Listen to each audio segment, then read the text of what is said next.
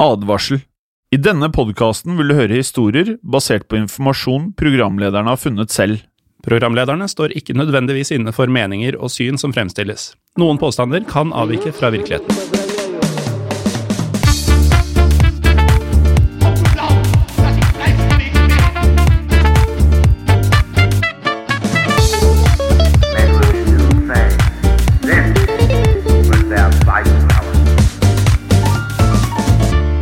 Velkommen til nok en episode av Historiepodden andre verdenskrig på folkemunne. Historiepodden WW2.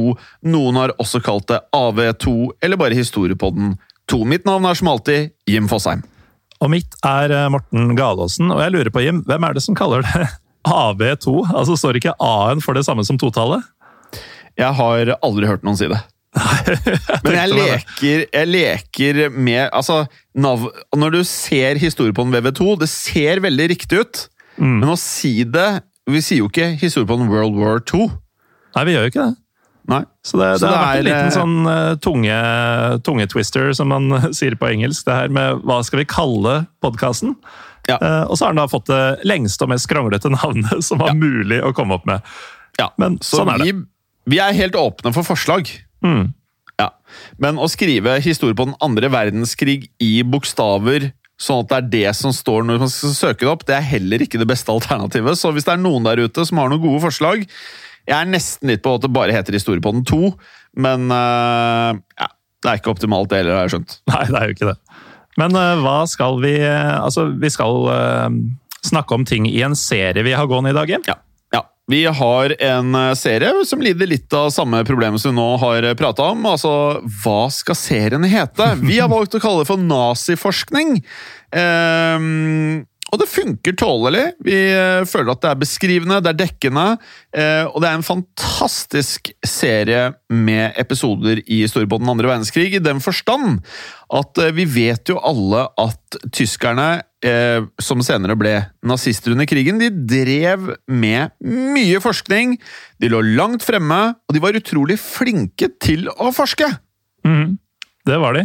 Um, og vi har jo da allerede spilt inn uh, og gitt ut tre episoder i denne serien. Det kommer mange flere. Men uh, i uh, serien så langt så har vi da snakka om Versailles-traktaten, som var før uh, krigen. Vi har snakka om hva tyskerne faktisk produserte av våpen og annen teknologi under krigen. Og vi har snakka om amerikanernes jakt på denne teknologien etter krigens slutt. Ja, og spesielt det siste du nevner der, var jo det vi da snakket om i forrige episode av serien. Eh, og da var vi blant annet innom hvordan Sios Fiat, altså ikke eh, bilprodusenten, og OTS, eller vi burde jo kalle det FIA-T. Ja, det gjorde vi mange ganger. det gjorde vi. Eh, OTS, hvordan de da reiste over egentlig store deler av Tyskland, og nærmest eh, ransaket eh, hele landet for at de da skulle finne ut eh, det som var av ja, vitenskapelig fremskritt, teknologier som eh, bare tyskerne hadde, eh, og alt av dokumenter var av interesse for dem. Ja, og um, dersom man lurer på hva SIOS, FIA, TOTS, og OTS står for, så refererer vi til uh, forrige episode i denne serien, som vel het 'Jakten på Nazi-Tysklands teknologi', hvis jeg husker riktig. Ja. Og um, det blir jo en del forkortelser når man snakker om andre verdenskrig, uh, og det er utrolig mange aktører og organisasjoner som hadde en finger med i spillet både før, under og etter krigen. Ja, Men eh, vi kan jo faktisk da sette pris på forkortelser sånn generelt. Eh, og eh, mange av disse navnene er jo så lange at episodene hadde blitt ganske lange hadde vi brukt de fulle navnene til enhver tid. Ja, så de um, forkortelsene er viktige for oss, i hvert fall. Um, men jeg syns fremdeles at det er ganske spesielt at amerikanerne hadde så liten tro på sin egen forskning at, de, at det hasta så mye at de ikke kunne vente med å få kloa i tyskernes teknologi. Og i denne episoden så skal vi fortsette litt i det sporet, for vi skal snakke om det som ble kalt uh, Åsenberg-listene. Ja. Og dette her er eh, Jeg sier jo dette her i hver episode, men dette her er noe eh, som er veldig kuriøst for meg. Superinteressant, og det er så snålt! Det er så mye snåle ting som skjedde under annen verdenskrig. Eh, for jeg har jo da hørt mye om Osenberg-listene, eh, men før vi egentlig dykket ned i dette, så jeg visste, visste ikke så mye. Det var svært begrensa innsikt jeg hadde. Eh, og det er jo det som er veldig fascinerende med denne podkasten. Vi graver i materien her. Eh, og det finnes da utrolig mange småting som man kommer over. Eh, og de små detaljene de utgjør liksom denne vanvittige fascinasjonen over hvor mye sykt som faktisk skjedde. Ja, og denne historien den starter faktisk på et eh, toalett, altså rett og slett på en dass. I den tyske byen Bonn. For Åsenberg-lista den ble nemlig funnet flytende i et toalett på universitetet i Bonn. Eh, og dette var i 1945, og amerikanerne var da i Tyskland for å støvsuge landet for alt de kunne finne av vitenskapelige dokumenter og annen informasjon om de tyske teknologiske fremskrittene under krigen. Og i mars eh, samme år eh, kom altså da amerikanerne til et universitet i Bonn. Og inne på universitetet så var det mer eller mindre en total panikk. Eh, for tyskerne visste jo da at amerikanerne var på vei, og mange av de som jobbet på universitetet, de ønsket jo selvfølgelig, som man vet fra alt av, av bygg som ble etterlatt av nazistene, de ønsket å kvitte seg med det som var av dokumenter før noen andre kom dit og kunne ta glede av, av det de hadde gjort av forskning. Og det var da flere av nazistene som da hadde jobbet, eh, selvfølgelig da for regimet, eh, og hadde en del ting som da ikke burde havne i klørne til amerikanerne. Ja, og I timene før amerikanerne kom fram, så drev de derfor og brente en mengde med dokumenter. Og det var heller ikke bare brenning som de drev med. Flere prøvde faktisk også å skylle dokumenter ned i toalettene. Og det Litt sånn, sier jo litt med, litt sånn som med drugs. Ja, litt sånn som med drugs. Uh, og det sier jo litt om den panikken som råda inne i universitetet den dagen. Denne panikken kunne de likevel ha spart seg, for i et av disse toalettene så lå det fremdeles flere dokumenter da amerikanerne storma inn. Så det, du kan rett og slett si at uh, noen av disse dokumentene hadde ikke kommet helt i bånn av toalettet i Bonn. Der var du god, eh, Morten. Veldig god. Veldig god. Eh, Det er lenge siden du har drevet med ordspill. Ja, det var på tide igjen. Ja, det var på tide. Eh, Men tenker du det samme som meg? Altså, når vi ser på film, og du er litt sånn FBI-filmer, og så bryter de seg inn i et sånn crack-hus, og så skyller de dopet ned i do. Mm. Jeg skjønner at de gjør det, jeg skjønner at det blir borte i vannet, men å skylle masse papirer ned i do, det virker jo ikke akkurat enkelt. Nei, altså, eh, bare et enkelt ark ville du jo slitt med å skylle ned i do. Du Her mener- snakker vi jo sikkert om blokker og masse sånne der, ja, pamphlets og greier. Selv litt for mye dopapir kan jo tette hele systemet her. Det så tenk deg hva disse her, skjedd? Det har skjedd, og det kan skje igjen. Eh, og det var da faktisk en polsk tekniker som hadde prøvd å spyle ned disse papirene her. Og dette her gikk jo ikke helt etter planen, for eh, disse papirene til den polske teknikeren de fløt rett opp igjen. Og da han skjønte dette, så gikk han like greit til Altså han gikk til amerikanerne og fortalte at det lå viktige dokumenter i do! Han visste riktignok ikke helt hva dokumentene dreide seg om, men han hadde i alle fall en mistanke om at de var viktige. Og det hadde denne polske teknikeren også rett i. For papirene som hadde tetta denne doen, var nemlig Åsenberg-lista. Og kort fortalt så var Åsenberg-lista en oversikt over alle tyske forskere, ingeniører og teknikere som jobba for naziregimet under krigen. Så dette var jo med andre ord en ganske interessant liste å finne for amerikanerne.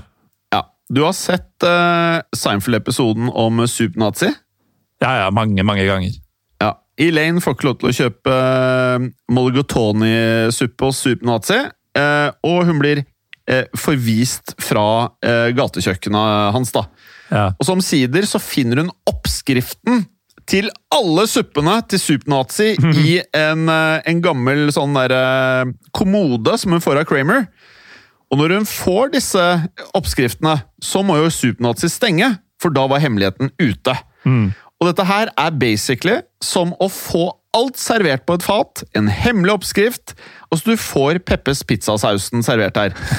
Eh, men før vi går videre, tror jeg vi må se litt på hvorfor og hvordan denne listen ble til.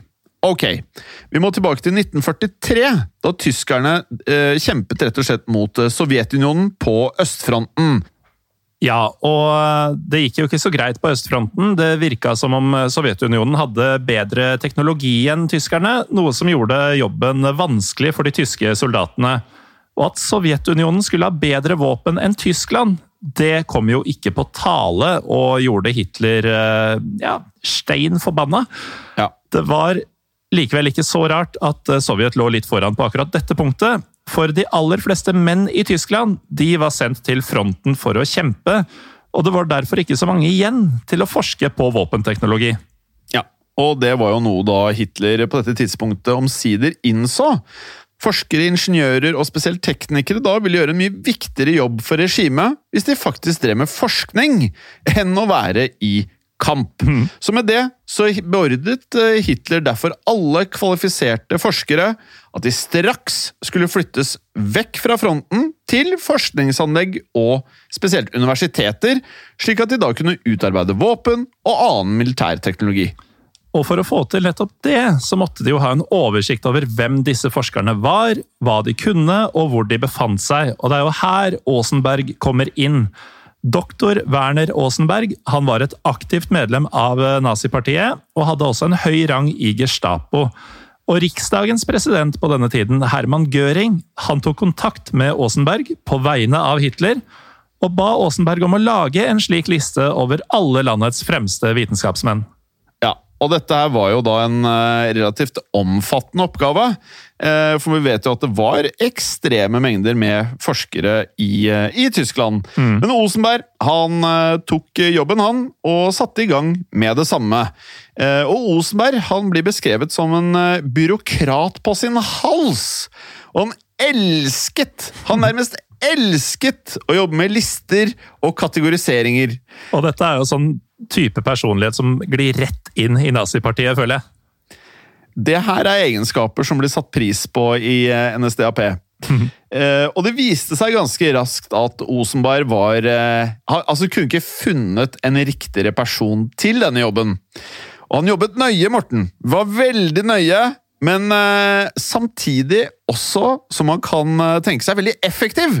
Så i løpet av ekstremt kort tid så var denne Osenberg-listen, som den nå blir kalt, ferdig. Og den eh, inneholdt ekstreme mengder med navn. Hør på det her. Jeg tenkte sånn før vi begynte med det her, så er det sånn eh, 1000 forskere? Kanskje 1500 forskere? Men Osenberg-listen, den inneholdt 15 000 navn på 15 000 forskjellige forskere. Og 1500 ulike forskningsanlegg spredt rundt om i Det tredje riket. Ja, og jeg trodde jo det skulle være snakk om noen hundre forskere. Jeg var jo helt på trynet. Og nå skjønner vi også at eh, denne polske teknikeren, det var jo ikke ett papirark han hadde prøvd å skylle ned her. Men i hvert fall, Osenbergs jobb den var ikke bare å lage denne lista. Han skulle også oppsøke disse personene og få dem i jobb for Det tredje riket. Og også denne delen av jobben gjennomførte Osenberg eh, svært tilfredsstillende. På kort tid så var 5000 av disse forskerne flytta fra østfronten til forskjellige forskningsanlegg og universiteter rundt omkring i landet. Dette var for øvrig en operasjon som Hitler døpte som The Osenberg Action. Eller Der Åsenberg-Aksjon. Og etter at disse forskerne var blitt hentet fra kampene ved fronten, ble de straks satt i gang med å utvikle ny og gjerne revolusjonerende våpenteknologi for nazistene. Og som vi vet, gjorde de også dette utrolig bra! Det er altså denne listen over disse forskerne og forskningsanlegg som da er det vi refererer til som Osenberg-listen. Og da begynner man jo å skjønne hvorfor amerikanerne var såpass fornøyde som de ble, da de fant denne ligge flytende da i et toalett i bånn. Eh, og det var jo selvfølgelig som å vinne i Lotto, som å finne Den hellige gral. Og Aasenberg hadde jo rett og slett gjort hele jobben for dem. Og nå frister det jo da, Jim, å hoppe videre til hva USA gjorde etter at de fant denne lista, men det skal vi faktisk ikke snakke om så mye i denne episoden. Nei, det kommer først i en senere episode i eh, serien vår. Men eh, det vi skal snakke om her, er selve listen. Vi skal nå se litt på hvem noen av disse aller viktigste navnene på listen var. Men aller først, Morten, så må vi ha en aldri så liten pause. Velkommen tilbake til historiepodden andre verdenskrig og denne episoden om Aasenberg-lista. Eh, før pausen så hadde vi akkurat forklart hva Osenberg-listen var. Og hvordan den da faktisk ble til. Eh, nå Morten, så må vi rett og slett bare gyve løs på noen av disse personene som befant seg på listen. Ja, jeg, jeg kan si én ting før vi setter i gang med det. fordi Øverst på Aasenberg-lista sto nemlig um, Werner von Braun. og Det hadde jo vært naturlig å starte med han, men han skal vi faktisk ha en helt egen episode om. Så vi kommer ikke til å fokusere på han i dag. Men det er jo blant disse 14.999 andre navnene eh, mange andre spennende navn på lista, og vi kan jo starte med Georg Rikei. Ja, eh, men jeg tenkte bare igjen må, Vi må bare sette liksom konteksten her nok en gang for lytterne. Bare minne på at eh, hele poenget med disse amerikanerne som da OTS og FIA, FIA FIA,T, alle disse her Dette her var altså å finne listen over alle disse forskerne. Det er som å sammenligne med å bare rett og slett finne skattekartet til Long John Silver. Altså Du bare finner ut akkurat hvor eh, skatten ligger. Ja, altså Alt vi snakka om i forrige episode i denne serien, med alle disse organisasjonene som lette etter um, informasjon, det var jo akkurat det her de var ute etter. Og nå lå det da og fløyt i dass. Ja, og det er ikke noe dokument, med mindre du hadde oppskriften på en atombombe. Det er ikke noe annet dokument som hadde vært bedre for amerikanerne å finne. Og der lå det og fløyt, for han rett og slett ikke klarte å, å, å dra det ned i do. da. Og denne George Ricky som du eh, nevner, han ble med i nazipartiet allerede i 1931, og jobbet deretter som en ingeniør for nazistene. Og Det var derfor naturlig at han var da det, en av de ingeniørene som ble inkludert i The Aasenberg Action. Og I 1944 ble han da satt til å være direktør for den underjordiske våpenfabrikken Mitterwerk. Ja, det, det, høres jo ondt ut, bare det at det er en underjordisk våpenfabrikk. Og Mittelverk det var jo ikke en hvilken som helst fabrikk, for uh, den var jo da bygget under bakken, altså hele greia. Det, eller det vil si inni et fjell, da, hvis vi skal være helt uh, presise. Men grunnen til at Mittelverk ble bygget under jorda, det var jo fordi den skulle være beskytta mot bombingen fra de allierte. For slike fabrikker var jo ekstremt attraktive mål for tyskernes fiender. Ja, og Grunnen til at Mittelverk i det hele tatt ble bygget, var at eh, de allierte bombet fabrikken som frem til dette tidspunktet hadde produsert nazistenes V2-raketter. Og Da beskjeden om denne bombingen kom frem til Hitler, så bestemte Hitler seg for at det måtte bygges nå en ny fabrikk som skulle produsere disse missilene, og den fabrikken den måtte være under bakken eller noe annet sted som da ville gjøre det utilgjengelig for de allierte å bombe fabrikken. Ja, og arbeidsforholdene på Mittelverk de var ikke spesielt bra. altså HMS var ikke det man uh, la mest vekt på. Og veldig mange arbeidere mista livet på denne fabrikken. At arbeiderne jobba under vanskelige forhold, det var ikke Ricky sin uh, hovedbekymring her. Han var mest opptatt av at produksjonen skulle være så effektiv som overhodet mulig. Så da han ble direktør for denne fabrikken, så innførte han svært strenge lover og straffer for de som jobba der. Ja. Det er ingen tvil om at Ricky han var ikke opptatt av noe arbeidsmiljølov. Eh, men det er heller ingen tvil om at han var svært, svært god til å administrere produksjon av raketter. Og nettopp det er grunnen til at amerikanerne var ekstremt, ekstremt interessert i å få tak i Ricky, og bet seg da merke dette navnet, som da kom tidlig på Osenberg-listen. Ja, og når vi snakker om denne lista, så kan vi jo legge til at eh, Osenberg-lista den hadde ikke bare navnet på de ulike forskerne og ingeniørene, Den hadde også eh, ganske detaljerte beskrivelser om hva de ulike hadde jobba med under krigen. Så det vi eh, la fram i stad om hvor fantastisk det var for amerikanerne å finne denne lista over navn, det blir jo bare enda mye bedre for dem, med tanke på at du faktisk kan pinpointe nøyaktig hva du trenger og hva du ser etter av ekspertise. Og rett under navnet til eh, Georg Rikki så fant de også navnet Arthur Rudolf. Og Grunnen til dette var da at Rudolf, i likhet med Ricky, også jobbet på Mittelverk. Ja, og Rudolf han var en av de aller, aller, aller dyktigste rakettforskerne som tyskerne hadde. Og det betyr antageligvis så er det ikke far off å nevne at Rudolf da mest sannsynlig var den fremste rakettforskeren i verden på dette tidspunktet. Helt rimelig å anta.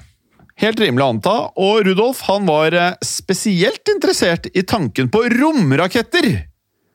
Det var han, men under krigen så gikk det mest i raketter som hadde som formål å ta livet av flest mulig mennesker. Mens eh, hans interesse, som da var hovedsakelig for romfart, eh, er en veldig viktig detalj i denne episoden, Morten. For Rudolf han skulle få enorm betydning for romfartsprogrammet til USA en del år senere. Rudolf var rett og slett et av de aller viktigste navnene på Aasenberg-lista, og han hadde jo da kunnskap som uh, kunne regnes som gull for amerikanerne. Ja, og vi, som vi da akkurat nevnte, så var jo denne listen bare helt vanvittig fin for amerikanerne når de skulle da velge hvem de skulle gå etter først av, eh, av forskerne. Um, og det de da ønsket, var jo da spesielt de ingeniørene og forskerne som da jobbet på de største og viktigste våpenfabrikkene. Og det var derfor naturlig at de da oppsøkte nettopp disse personene først, og en av disse var Bernhard Tessmann. Ja, Tessmann han jobba på forskningssenteret Penemunde under krigen. Og det var et av de aller viktigste sentrene for våpenutvikling for tyskerne. Tessmann var i likhet med Rudolf ekspert på raketter, men i motsetning til Rudolf så var ikke Tessmann interessert i romraketter. Hans lidenskap var såkalt guidede raketter. Og denne lidenskapen fikk han også dyrka på Penemunde-senteret, da det var på dette senteret at tyskerne utvikla den tidligere nevnte og veldig fryktede V2-raketten. Ja, og I tillegg til å være med på utviklingen av eh, V2-raketten, så designet også Tessmann den eh, selve mekanismen som gjorde at rakettene kunne fyres av. Han var altså da en eh, utrolig viktig person for tyskerne. Og med å være en viktig vitenskap for Nazi-Tyskland, så ble han umiddelbart en viktig forsker for USA, som vi da skal se noen år etter krigen. Ja, og selv om akkurat denne episoden først og fremst skal handle om Åsenberg-lista, og ikke så mye om hva som skjedde etterpå, så har vi jo likevel en liten eh, fun fact om eh, Tessmann. For Tessmann og kona Ilse de bosatte seg i Alabama i USA etter krigen. Og da de bodde her, så var de ekstremt opptatt av lokale musikk- og kunstnertalenter. Så de brukte rett og slett masse penger på å få fram unge mm, ja, kulturtalenter i Alabama. Ja, og uten å liksom romantisere og glorifisere eh, nazister etter krigen, for det, det, skal vi prate mye om, at eh, det var mange her som ikke fikk den straffen de fortjente, så er det sånn at denne kunstnerveldedigheten har gitt enorme spor etter seg den dag i dag. For man kan i dag i USA faktisk få Ilse og Tessmann Music Scholarship hvis man da er utrolig begavet i eh, musikk, og man da tilfeldigvis studerer ved The University of Alabama. Tessmann gikk da altså fra V2-raketter, altså forskning på raketter som skulle drepe flest mulig mennesker, til et eh, vanvittig engasjement for unge musikktalenter, spesielt lokale trompetister. det, det, er en uh, interessant type, dette her. Men enda en Aasenberg-mann som vi skal nevne i denne episoden, det er Hubertus Stugholt. Eh, populært kalt uh, The Father of Space Medicine. Uh, og som denne um, tittelen røper, så ble da Strugholt også en viktig mann for amerikanerne etter krigens slutt. Men problemet var jo at han hadde noen ganske fæle rykter på seg. Ja, for amerikanerne hadde jo sagt at de ikke ønsket å bruke tyske forskere som hadde vært aktive nazister. Eh, og som vi har sett, var de likevel villige til å bøye denne loven eller regelen, eller hva man skal kalle dette her, noe. noe. -hmm. For det har man jo sett, og det, det kommer til å gjøre masse om fremover. Ryktene ville nemlig ha det til at Stugolt eh, hadde visst om store deler av de medisinske eksperimentene som ble gjort på jøder under krigen, noe han selv nektet blankt nei på når amerikanerne intervjuet han ved krigens slutt. Ja, og denne benektelsen var amerikanerne også ganske raske med å kjøpe, for de hadde jo veldig lyst på talentene hans, og da var det jo en fordel at han ikke hadde drevet med lobotomi, f.eks. Og om han snakka sant eller ikke, det var ikke så farlig for USA akkurat på dette tidspunktet, men at han ikke snakka helt sant, det er det liten tvil om. Det er helt riktig, for i Nürnberg-prosessene så ble det avdekket noe helt vanvittig, Morten. Eh, og det er eh, faktisk det at Stugholt var en av nazistene som hadde kjennskap til eksperimentene som ble foretatt på jødene, nærmere bestemt på konsentrasjonsleiren i Dachau. Likevel, eh, og det her er veldig viktig å få frem, så endte han da opp med å bli sjefsforsker for den medisinske avdelingen i NASA. Og senere, som om det ikke var nok, senere så har det også blitt bevist at Stugholt ikke bare visste om eksperimentene ved konsentrasjonsleirene, men det har også kommet frem at Stugholt gjennomførte selv eksperimenter på jøder. Ja, det er nesten ikke til å tro.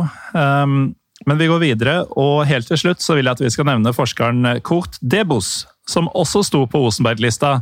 Og Han var også en av de forskerne som var aller mest interessante for amerikanerne. og Grunnen til det var at Debos under krigen hadde vært direktør for testinga av V1 og V2-rakettene. Disse rakettene, de, altså Vi har jo hatt episoder om dem hjem. Du skjønner hvor viktig den teknologien var, hvor viktig de uh, rakettene var. fordi det er jo dette som går igjen uh, hos de aller viktigste forskerne USA ville ha tak i. Ja, det er helt vanvittig. Bare alt med jetmotor, rakettforskning, alt dette det var helt, helt øverst. Problemet var likevel at Debos, i likhet med de andre vi har nevnt i denne episoden, var et høytstående medlem i nazipartiet og i SS. Ja.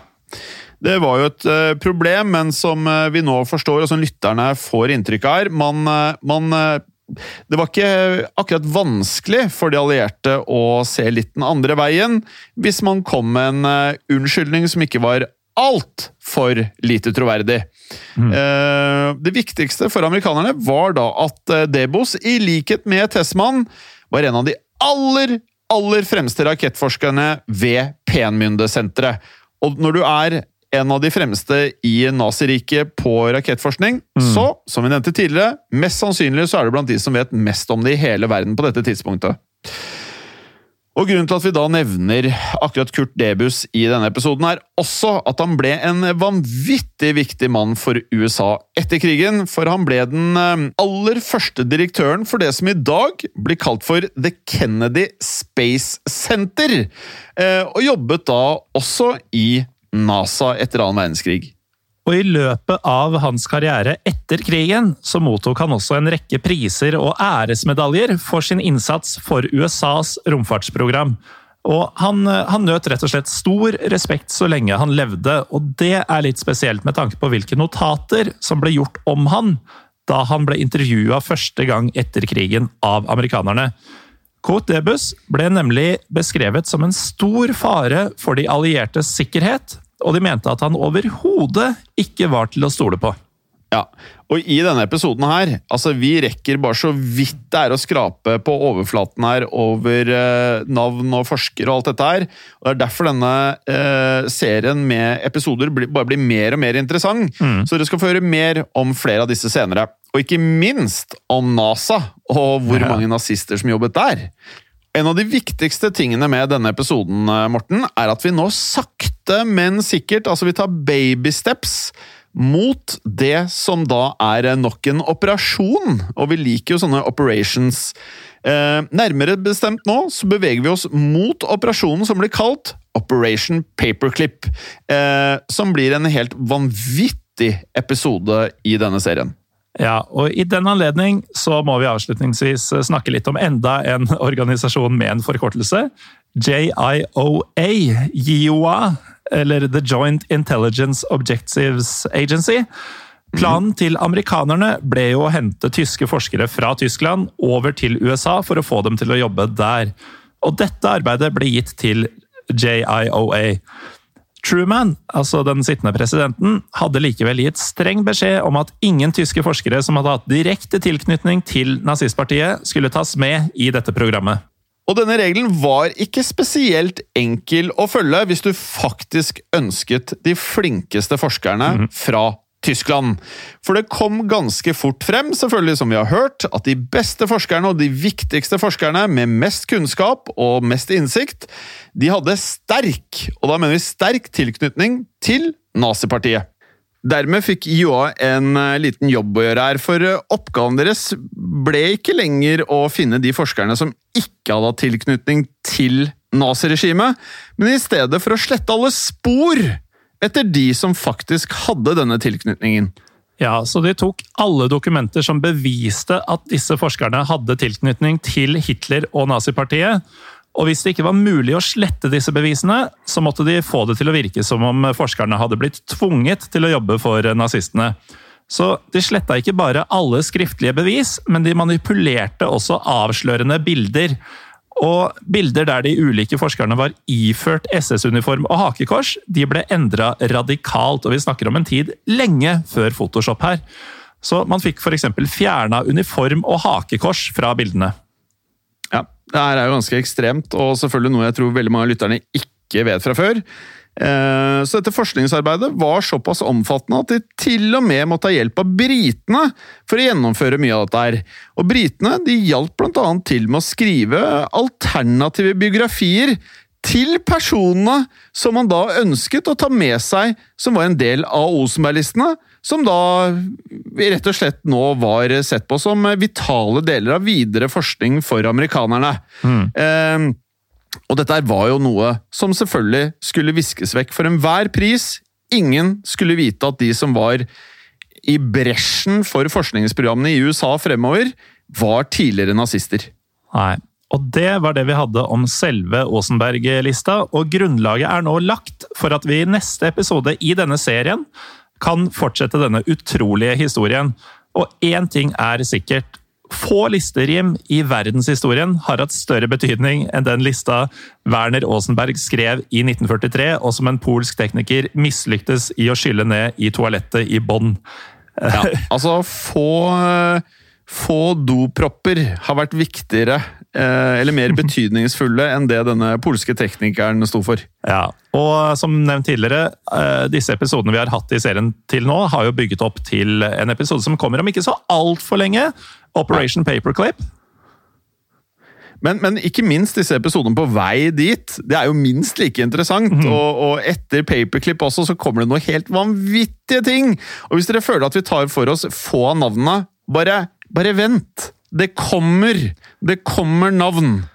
Og med det, Morten, så eh, må vi bare be eh, folk eh, bli en del av Historie for alle, altså gruppen vår på Facebook. Dere kan følge oss på Instagram og Facebook også, der vi heter Historiepodden Norge.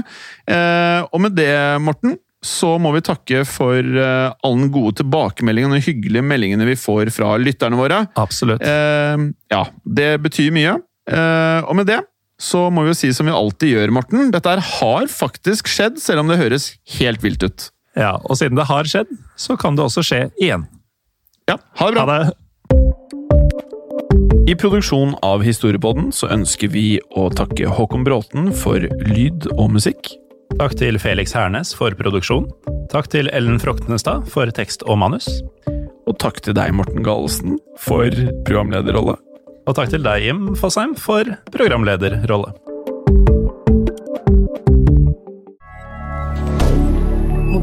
Media. Kiwi er billigst i VGs matbørs og har vært billigst i fire av de fem siste VGs matbørser.